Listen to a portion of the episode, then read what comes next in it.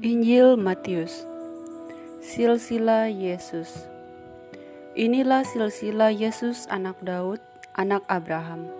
Abraham memperanakan Ishak, Ishak memperanakan Yakub, Yakub memperanakan Yehuda dan saudara-saudaranya.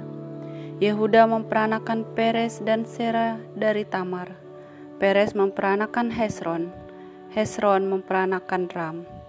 Ram memperanakan Aminadab, Aminadab memperanakan Nahason. Nahason memperanakan Salmon.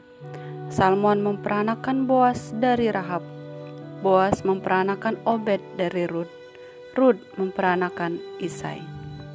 Isai memperanakan Raja Daud. Daud memperanakan Salomo dari istri Uria. Salomo memperanakan Rehabeam. Rehabeam memperanakan Abia. Abia memperanakan Asa. Asa memperanakan Yosafat. Yosafat memperanakan Yoram. Yoram memperanakan Uzia. Uzia memperanakan Yotam. Yotam memperanakan Ahas. Ahas memperanakan Hizkia. Hizkia memperanakan Manasye. Manasye memperanakan Amon. Amon memperanakan Yosia. Yosia memperanakan Yekonya dan saudara-saudaranya pada waktu pembuangan ke Babel.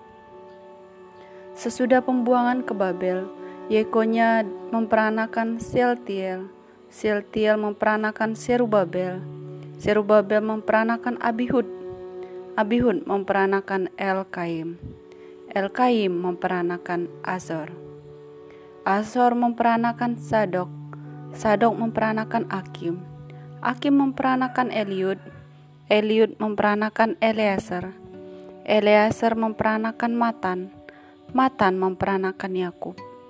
Yakub memperanakan Yusuf suami Maria yang melahirkan Yesus yang disebut Kristus.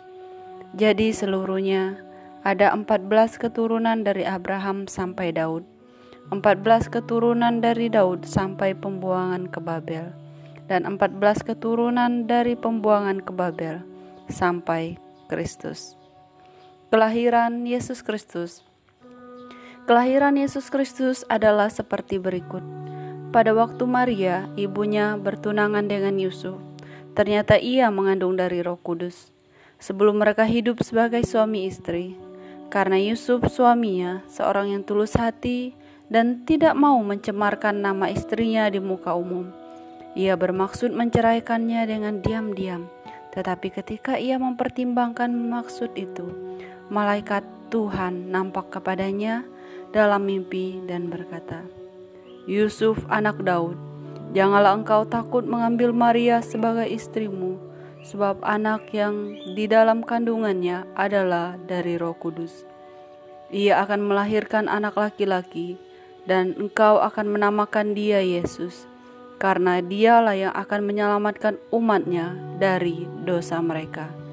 Hal itu terjadi supaya genaplah yang difirmankan Tuhan oleh Nabi.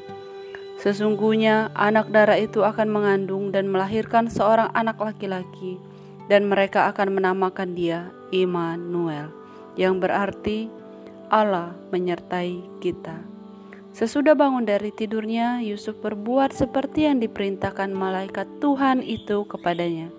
Ia mengambil Maria sebagai istrinya, tetapi tidak bersetubuh dengan dia sampai ia melahirkan anaknya laki-laki, dan Yusuf menamakan dia Yesus.